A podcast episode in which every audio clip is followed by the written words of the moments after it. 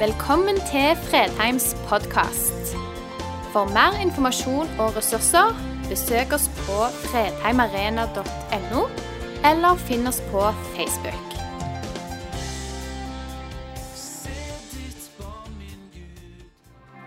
I dag så eh, skal dere få møte en mann som jeg har eh, begynt å kjenne det siste halvåret. Eh, og som jeg også hadde med meg på Godhetsnettverket på lederkonferansen i Bergen for IMF for to uker siden.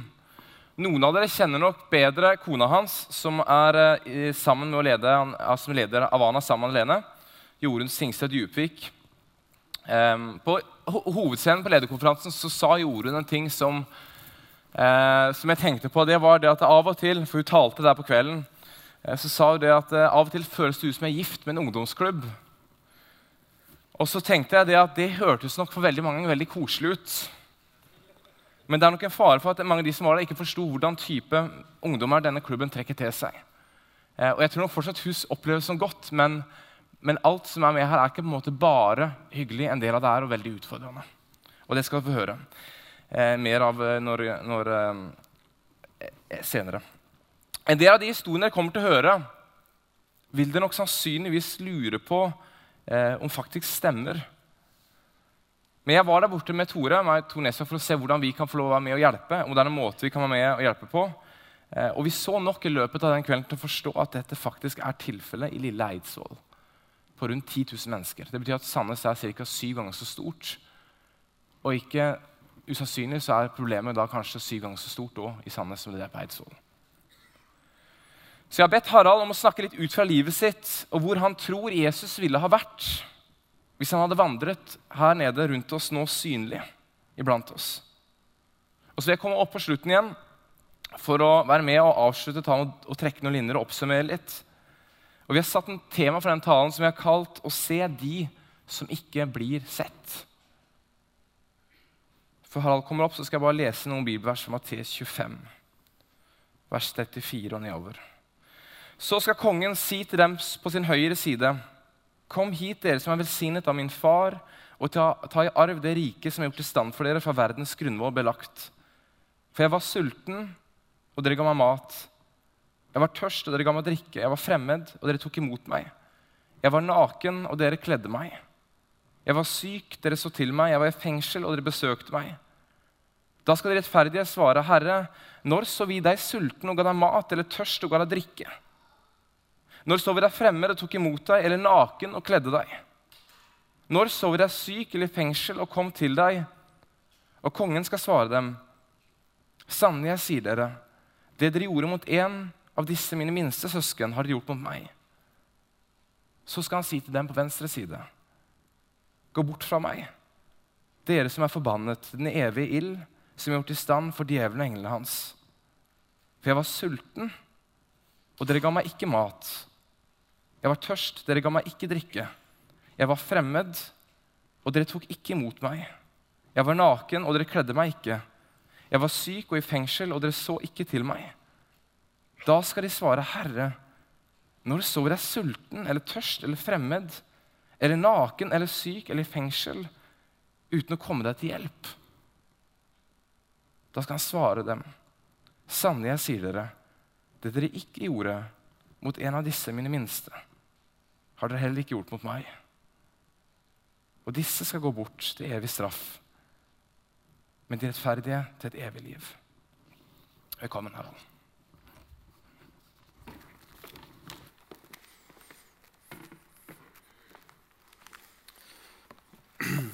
Takk for invitasjonen, Andreas. Eh, ja, det her er en eh, grå, gråhåra ungdomsklubb på 61. Sånn ser jeg ut. Han som Jorunn er gift med. Eh, jeg syns alltid det er eh, morsomt at jeg presenterer at jeg er gift med en ungdomsklubb. Jeg er gift med Jorunn. Men eh, de siste 21 åra av vårt ekteskap så har jeg vært gift med en ungdomsklubb òg. Veldig fint at dere var over, Andreas. Det ble vi ordentlig glad for. Vi er en veldig lavterskelklubb. Det er mer som en ungdomskafé. Vi har ingen i ryggen. Vi er frittstående, uavhengig på alle måter. Og jeg kjenner jo det når jeg er her, og får kjenne trøkket, energien her. Jeg savner Jeg savner den ryggen. Jeg savner at det er noen som, som står bak. Så jeg ser dere har en god rygg som kan bære også de som ikke blir sett. For å beskrive litt av gjengen vår Jeg sier ofte gutta, for det er klart det er eh, mye gutter. Eh, når vi leser avisen på mandag, og det har vært avisoppslag om bilkjøring og med og uten førerkort, med og uten rus, fort eller sakte, så er det ikke et spørsmål egentlig om om det er en av våre. Det er et spørsmål om hvem av de det er. Disse her eh, henger nede hos oss hver onsdag. Det blir fort en 50 eh, stykker på en eh, helt vanlig onsdagskveld. Og utfordringene vokser jo i takt med den tida vi lever. Rusproblemene kommer mye tettere på, også ganske langt ned i alder. Vi har en nedre aldersgrense på 13 år, men vi ser gjerne at de først kommer når de er litt eldre. For da er det litt mer mellom øra, sånn at det er mulig å få planta et eller annet fornuftig. Teksten du starta med, Andreas, satte meg litt ut da du serverte den tidligere i uka. For det er en av grunnpilarene i livet mitt. Eh, jeg vet ikke hvor mange av dere som har hengt med siden 70-tallet og Keith Green, som eh, sang en låt som heter The, um, The Sheep and the Goats. Dere kan google det når dere kommer hjem. Keith Green. Vi som er her, vil nok få mye kred for alt vi har gjort når vi står innenfor vår Herre.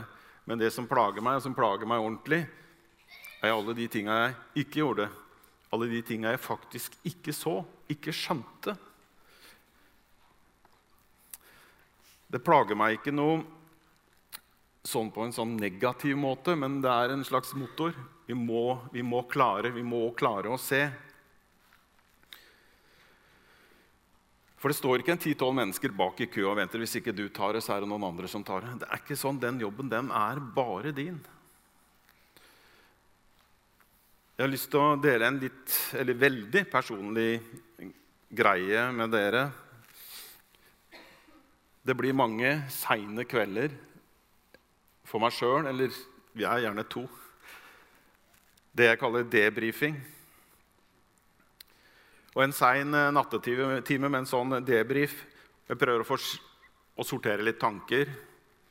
Nullstille meg, bli klar til neste dag.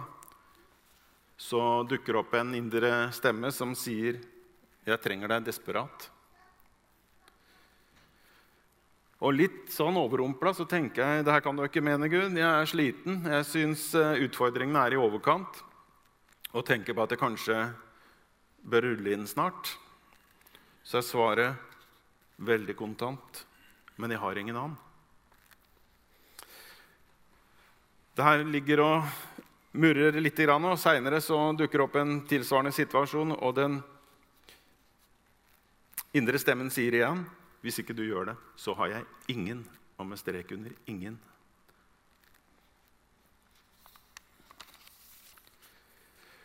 Men det rare er at det verken da eller seinere har opplevdes som noe press.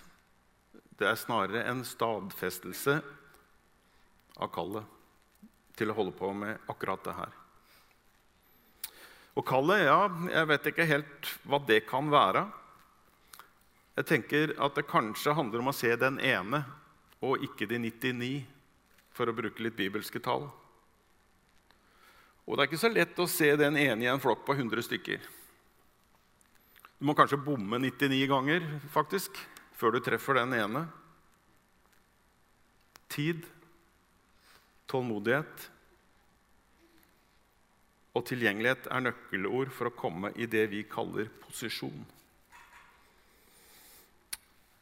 Og Da kommer vi inn på noe nytt posisjon. Hvordan i all verden kom man dit? Hvordan kommer man i posisjon til de som ikke blir sett, og kanskje ikke vil bli sett engang. Du kan jo ikke kaste deg over mer eller mindre tilfeldige folk på gata. Du må ha en arena. Eller aller helst etablere en arena som er så tett opp mot deres arena at de føler seg trygge der, føler seg hjemme der. Og du mest sannsynlig er den som er aller mest ukomfortabel med det. Jeg tenker mange ganger på hvordan Jesus rekrutterte disiplene. Og jeg skulle ønske det sto mer om det. Det står mye om Peter.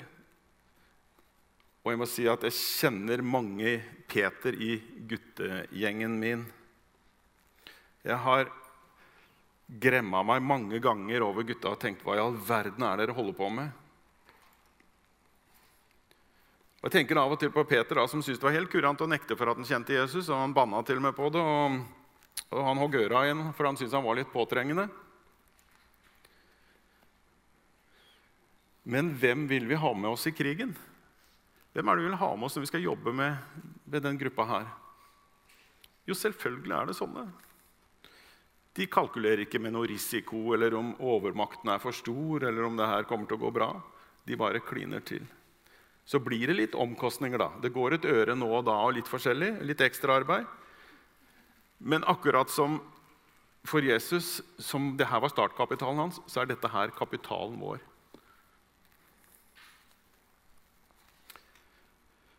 Forrige onsdag så tok vi en ungdomsskoleelev inne hos oss som forsøkte å selge hasj til eh, et par av de gamle gutta. Han fikk raskt svar fra gutta at nå er det på feil sted, og det er feil folk du prøver å selge til. Jeg får beskjed med en gang. Det blir litt hektisk. Politi og full pakke. Og i løpet av en halvtime med biljakt og litt forskjellig, så sitter han i Svarte-Maria, og vi har tatt den. En av de gutta som var med Anga-segleren, han har vært på teppet hos meg og innrømt at han har røyka hasj før han har gått på klubben. Så det er ikke mors beste barn, det her heller. Men det var payback time. Å bli sett kan også være å være knallhard og tydelig. Men så har vi heldigvis nåden. Vi prøver igjen. I forhold til det å se, av muligheten til å se mennesker, så har jeg lyst til å fortelle om noe som er litt sånn, blitt litt sånn mantra for meg. Ehm, jeg har noe jeg kaller akkurat-dager, og så har jeg noe jeg kaller akkurat-ikke-dager. Dere skjønner kanskje hva jeg tenker på. Så har jeg noe annet som heter nesten akkurat-dag og nesten akkurat-ikke-dag. Og når jeg skjønner at jeg er på nesten akkurat-dag, så skjønner jeg at nå, nå skal, jeg, skal, det veldig lite til før at det blir en akkurat-ikke-dag. Men også veldig lite til for at det skal bli en akkurat-dag. Og så kan dere tenke hvor, hvor, hvor er disse menneskene som ikke blir sett? Hvilken, hvilken, av de dagene er det? Det er selvfølgelig på nesten akkurat ikke-dagene eller akkurat ikke-dagene. Når du egentlig ikke har tid, så står selvfølgelig du rett foran meg. Og jeg har ikke tid. Hvordan all verden skal jeg få til det her? For da sier nei, jeg dropper det. Jeg har ikke tid. Men så er det det da, Gud velsigner tida vår òg. Jeg har ikke tall på hvor mange ganger jeg har gjort akkurat det. Tatt akkurat den tida, og så har jeg plutselig ja, Men jeg hadde jo tid til beste. For da gikk, var det en del andre ting som gikk på skinner. Og så plutselig var vi på akkurat dag igjen, sjøl om det så ut som det var veldig nært en akkurat ikke-dag. Jeg har en eh, kompis som, eh, som eh, sendte meg melding en kveld og sa Harald, jeg ser på Facebook at du ikke er, er aleine. Gidder du komme bort en tur, så tar vi en prat? Kona mi er borte òg. Passer det? Nei, så jeg passer ikke det hele tatt. Jeg skal reise til Italia i morgen. og Blir borte i tre uker. Jeg har ikke pakka ennå. Så vi gjør det.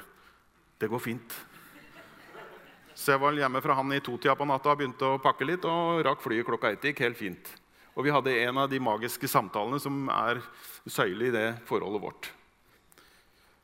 Så tid, folkens Den er skummel. Vi har så lett for å skylde på at vi ikke har tid. Jeg har lyst til å fortelle om en av mine favoritter. Han er en blid og morsom gutt um, som overhodet ikke kunne tenke seg å leve et A4-liv. Han jobber litt uh, når det er sesong for det, og så skrur han uh, mye bil. Og i motsetning til mange av oss her så er han veldig lite opptatt av pensjonspoeng. Og mitt første møte med han det var i gata utafor klubben. Han kjørte en svær, gammel van og den tiltrakk seg veldig mye folk. Det gikk folk ut og inn. Og vi skjønte at det foregikk både det ene og det andre inne i bilen. Så til slutt måtte vi jo ta en prat. Så sier jeg vi prøver liksom å drive en ungdomsklubb der inne, men du driver jo en sånn alternativ klubb her ute. Så vi må liksom finne ut av det her. Vi kan ikke ha det sånn. Så enten får du bli med inn, eller så får du parkere et annet sted. Siden den dagen har vi vært venner. Ehm, så Da bilen hans nå har han bytta til en rosa, flammelakkert, eh, gammel amerikansk stasjonsvogn. En sånn ordentlig raggarbil. Så da den da ble tagga ned, for det var ikke alle som syntes den var fin, så ringer han til meg. Du Harald, en sein kveld. Kan den bilen stå oppe hos deg? Sa han, for der er den trygg. Sa han, det er ingen som gjør noe der. sa han. Ja, selvfølgelig kan den stå her, sa jeg. Det går helt fint. Det var så seint på kvelden at alle andre sov, så jeg slapp å spørre noen. Vi bor tre generasjoner på tunet, så det var, eh, treåringen likte det her best. for å si det sånn. Han syntes det var kulest. En annen gang vi sto og snakka sammen, han og jeg, så kommer det en annen klubbgutt eh, bort og sier du, 'Han her har du vel jaga mange ganger?' 'Han har vel sendt av gårde mange ganger.' 'Nei', sa jeg det. 'Det tror jeg aldri jeg har gjort', sa jeg. Og så sier han, 'Nei, det har du aldri gjort', sa han. Det står ikke noe om det i den boka vi leser, at vi skal sende noen bort. Det står ikke noe om det. Nå har denne her gutten førstesideoppslag i avisen på en positiv måte, for nå har han et par andre klubbgutter med seg, og de samler inn penger. Det det andre året de gjør det. Reiser til Oslo med mat og klær til uteliggere der rett før jul. Så ting er ikke nødvendigvis sånn det ser ut for å være. Og Det er veldig viktig i møte med de her menneskene. Det ser ut på én måte, og så er det helt annerledes. For at dere skal huske det, for det her er kjempeviktig, så skal jeg fortelle en historie fra oppveksten min. Ehm, jeg vokste opp på landsbygda. Mye bønder der som ute på landsbygda her. Vi hadde Ferguson 35 uten hytte. Vi hadde en han eh, sto bestandig oppreist når han kjørte traktor. Og Ryktene gikk om at han hadde forferdelig travelt. Han var så travel så han måtte stå, stå på gassen bokstavelig talt når han kjørte. Så Noen år etter at han eh, var død, så treffer jeg dattera hans. Og så kom vi snakk om faren hans, hennes. og så Jeg husker godt han hadde så travelt bestandig, så han sto når han kjørte traktor. Og så sier jeg, 'Var ikke det, veit du', sa Men han var så forferdelig plaga med hemoroider, sa. Så det er ikke bestandig sånn det ser ut for å være. Så ikke glem det.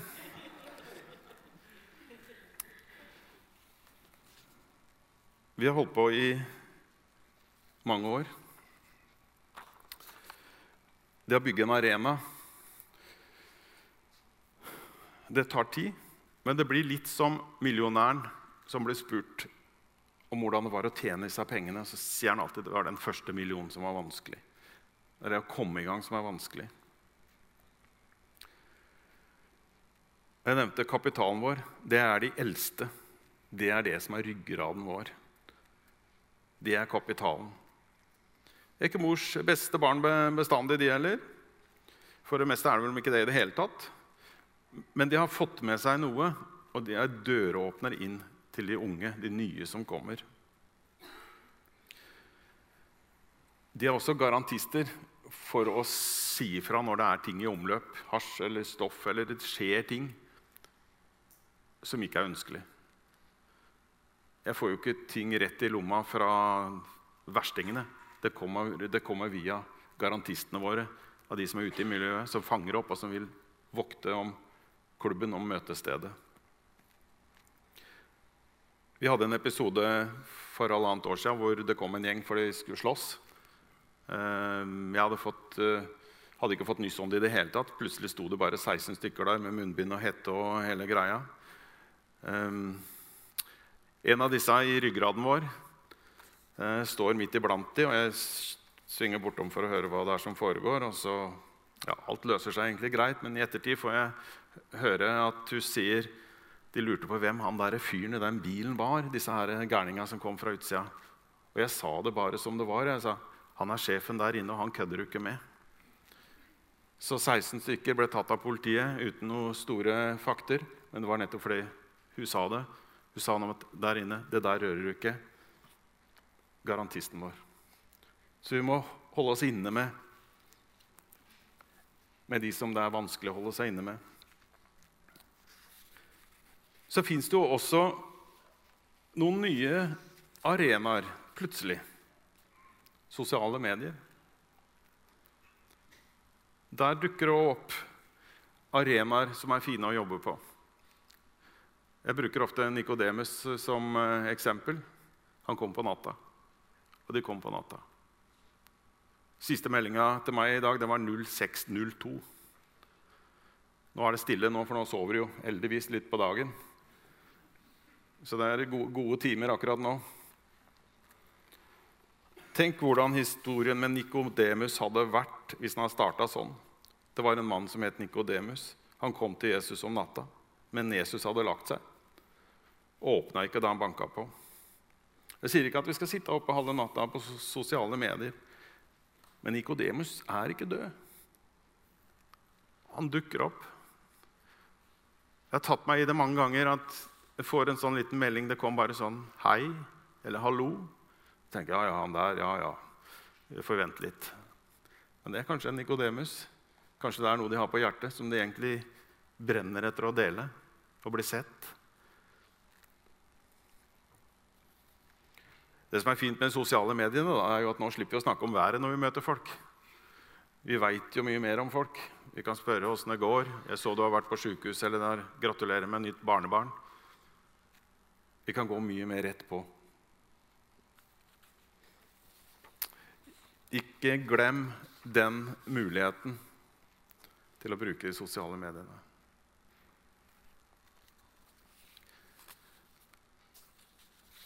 Jeg har fulgt en gutt i mange år. I begynnelsen så snakka han ikke med noen. Han var høyt og lavt, gjorde bare masse pek. Jeg skjønte ikke hvordan vi skulle nærme oss han. Vi regner at på de liksom normale folka trenger vi et år på å komme i en slags posisjon hvor vi kan snakke om litt vanlige ting, sitte ved et bord og ha en normal samtale. Det trigga meg litt at vi ikke fikk eh, ordentlig has på den, så jeg tenkte vi må, hva, hva er, eh, hvordan knekker vi koden? Så jeg fant ut hva han het. Vi veit jo ikke bestandig hva disse her folka heter engang. Så neste gang jeg traff ham, gikk jeg bort til ved biljardbordet og så klappet jeg ham på skuldra og så spør jeg åssen går det med deg, og så sa jeg navnet hans. Og den dagen skjedde noe. Siden det hadde vi aldri noe problem med han. Vi er gode venner. Jeg fikk vite om han ettertid. Han mista begge foreldrene sine veldig tidlig. Vokste opp litt sånn her og litt der. Ting var ikke sånn som det så ut som. Jeg traff han her for et par uker siden. Da satt han på en benk og hadde ved siden av seg en, blomsterbukett. Og så sier jeg, 'Har du blomster til dama di?' 'Jeg har det', sa han. Han er, da var han 17-18 år. Det er ikke så vanlig det at de kommer med blomster da. Så jeg, 'Ja, hun er dårlig', skjønner du. Så, sa, jeg, 'Du har skjønt det', du. sa jeg. Jeg var mye eldre da jeg skjønte at det var lurt å ha med blomster. Og Det er ikke noe selvfølge at sånne løvtannbarn skal skjønne sånne enkle ting. Dette var litt som godhet, som vi snakka om eh, for et par uker siden. Andreas. Jeg sier ikke at det har noe med det å gjøre at vi lærte oss navnet hans, men jeg så at det forandra. Så at han ble sett. Og så skjedde noe. Oss imellom, i hvert fall.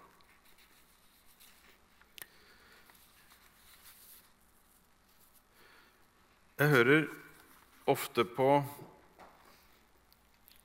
en sang med Sigvart Dagsland som heter 13 hester. Er det noen som har hørt den? Den kan dere også google når dere kommer hjem.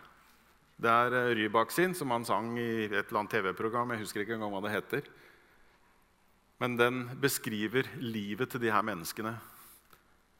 Men som hester som svømmer rundt på havet uten mål, uten mening. Og så sier det veldig fint Trur det er sånn livet skal leves.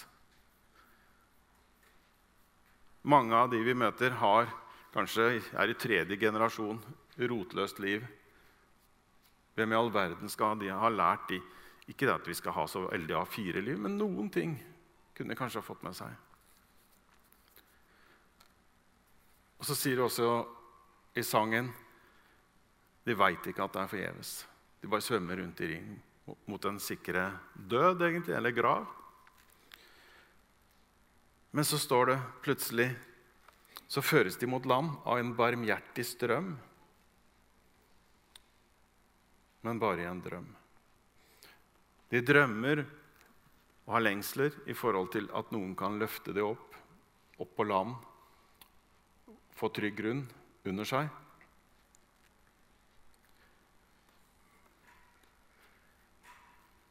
Og så avslutter de med Hvem veit hva som er forgjeves? Og det var en sånn mantra for meg. Hvem i all verden veit hva som er forgjeves? Vi leiter kanskje etter den ene, og da må vi kanskje surre bort litt tid på de 99. Men vi har ingen forutsetninger for å vite hva som er forgjeves. Jeg har veldig uforutsigbare dager, veit veldig lite om hva som skjer. Kona mi snakka litt om det i går. Det er jo sånn det er. Du veit jo aldri når dagen begynner, hva som skjer. Jeg er heldig som kan få ha det sånn. Men da er det også utfordrende i forhold til å se disse menneskene, ikke bare surre bort tida på andre ting. De står i kø.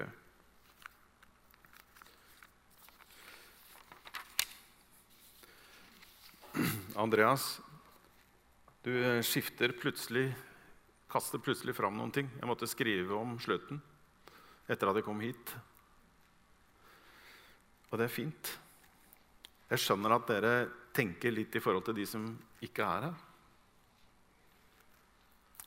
De som har savn, lengsler, de som ikke har det greit. Jeg sa noe om debrief og seine netter. En av låtene Det er ofte musikken i bildet når jeg debrifer. Det er en låt som dere kan google det òg. 'Hvisker en bønn'. Har dere Kjenner dere den? Oslo Gospel-kor har syngen. Jeg liker den på dansk. Det står litt om eh, at nå har alle lagt seg. Nå er det bare jeg igjen. Det sitter engler på taket. Og så sitter jeg og hvisker en bønn. Hvisker en bønn i natt for de som lite har. For de som gikk inn i natta uten å finne fram. For alle de som venter. For alle de som har mistet håp. For alle de som lengter, så hvisker vi en bønn. Sånn er det.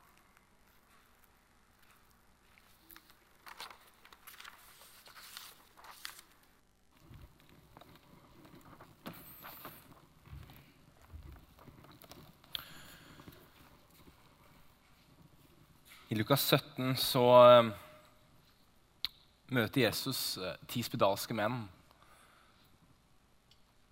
Eh, sånn. han møter dem på avstand, og de, de ber ham om, da, om han kan gjøre dem friske. Og Så sier Jesus til dem, gå og vis dere for prestene. Og På veien til prestene så blir disse ti rene. Men det er bare én som kommer tilbake for å takke Gud for det som har skjedd det, tror jeg er litt viktig huske for oss som vi holder på med disse tinga. Godhet er ikke noe vi holder på med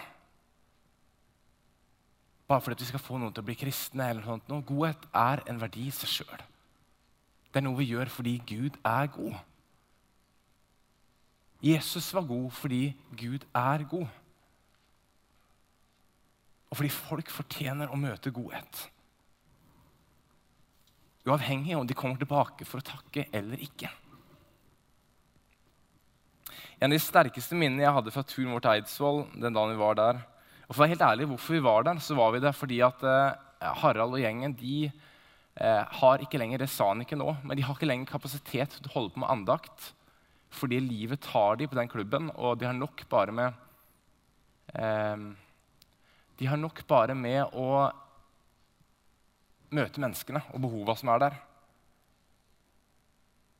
Det er ikke lenger kapasitet, for det er ikke nok som vil være med til å dele evangeliet med, med forkynnelse. Så vi var borte der fordi han har uh, lurt litt på i forhold til om det er mulig å gjøre en planting eller noe inn i den klubben. Og bygge en kirke rundt disse menneskene. En av de sterkeste minnene jeg har derfra, var eh, når jeg satt i bilen med en av disse. Som sa til meg da eh, og Bare for å forklare situasjonen, så var, satt jeg i bilen da fordi da var Harald inne på togstasjonen. Eh, fordi det var en eller annen som, Da gikk rykter om at en skulle komme fra Oslo for å få en av de andre ungdommene til å røyke hasj Så han var da inne for å prøve å få han dratt han ut, så han ikke gjorde det. Så han ikke ble kasta ut av det hjemmet som han hadde. For det er klart Mange av disse ungdommene de har ingen foreldre. altså Foreldrerelasjonen er fullstendig brutt sammen. Så sa han til meg mens jeg satt der i bilen, jeg skulle ønske jeg hadde en tidsmaskin. Så jeg kunne dra tilbake til tiden før jeg begynte å ta dårlige valg.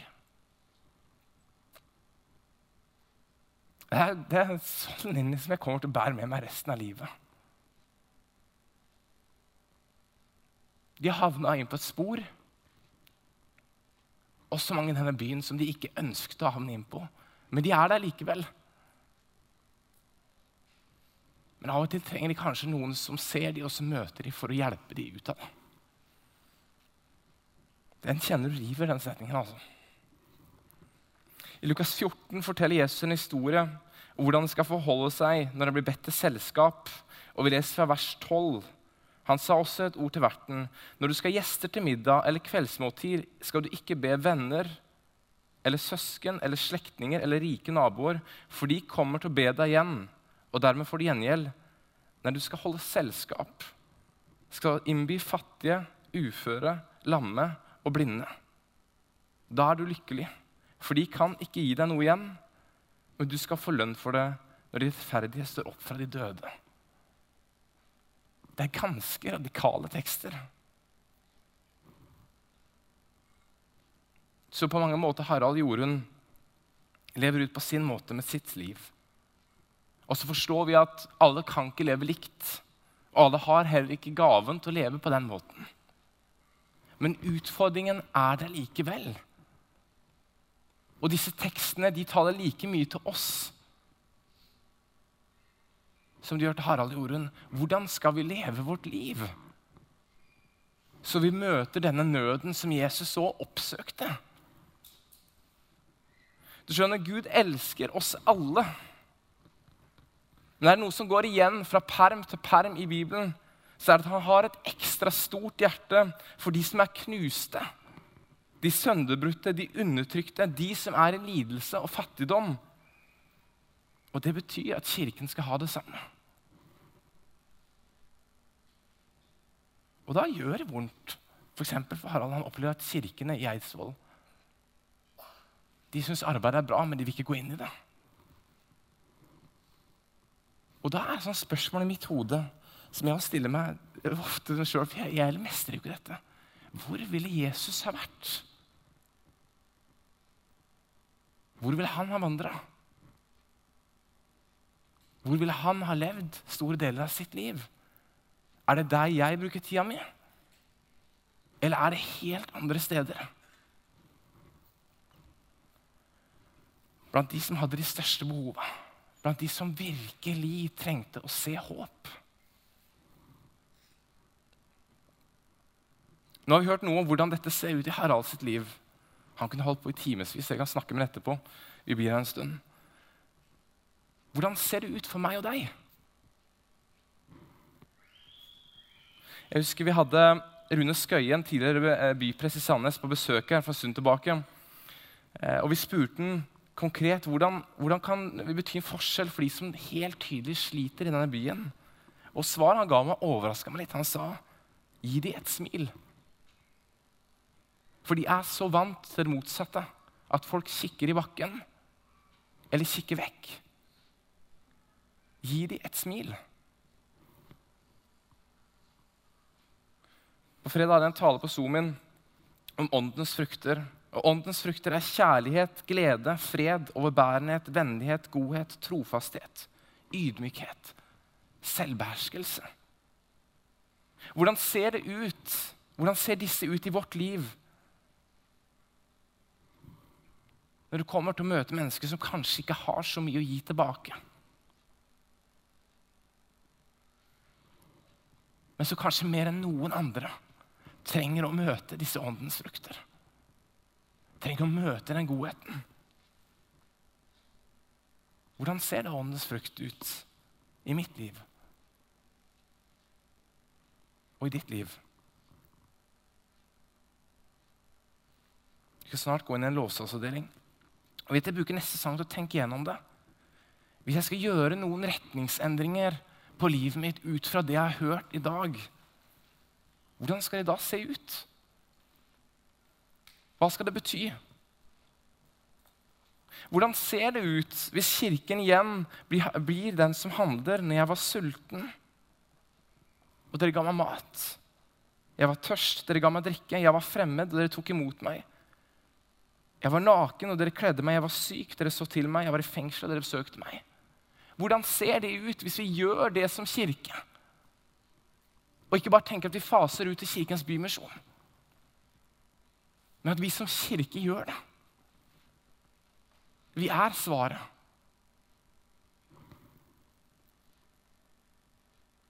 Av og til så er det som disse tingene vanskelig. Hvordan skal jeg komme i gang med det? Hvordan skal jeg få lov å møte disse behovene over, over, i det hele tatt? Og du skal få en konkret utfordring i dag. og det er at I dag kommer eh, Monica Øye Fiddeland for Hjertebanken til å stå utafor i foajeen her. En måte dere kan gjøre det på, er å skrive deres navn opp på en beredskapsliste. Hjertebanken er en diakonal bank vi har, som får inn behov fra byen. Og som da ringer de som står på den lista og spør kunne du tenkt deg å bidra med det eller det. Den muligheten har du da hvis du ikke vet hvordan skal jeg gripe tak i det. Så er det i hvert fall ett steg til å gjøre det.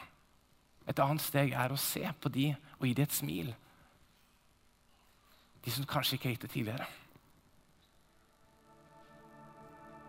Ok, vi ber. Kjære Jesus. Takk for det Harald delte Jesus. Vi ber deg spesielt nå for den klubben jeg har gitt så far. Du ser de, eh, de tørster etter eh, mennesker som har lyst til å gi en del av sin tid til å, måte, å, være, å bygge opp det, den klubben. Eh, slik at de kan møte bønn, de kan møte folk som, og forteller om hvem du er. Som har kapasiteter der. For nå ber vi deg om at eh, vi ber om at du må være med i den klubben, Jesus, og at du må utløse det som trengs her. Og så ber vi deg konkret i våre liv, Jesus. Hvordan ser dette ut i våre liv? Disse tingene som vi så fort glemmer. Vi vet de står der, men det er så utfordrende. Og vi vet ikke hvordan vi skal få det til. Far, nå ber vi deg om at du, eh, du hvisker i hørene våre. Hvordan det kan se ut for meg, og hvordan det kan se ut for deg. Takk for din nåde, og takk fordi at hver dag er en ny dag.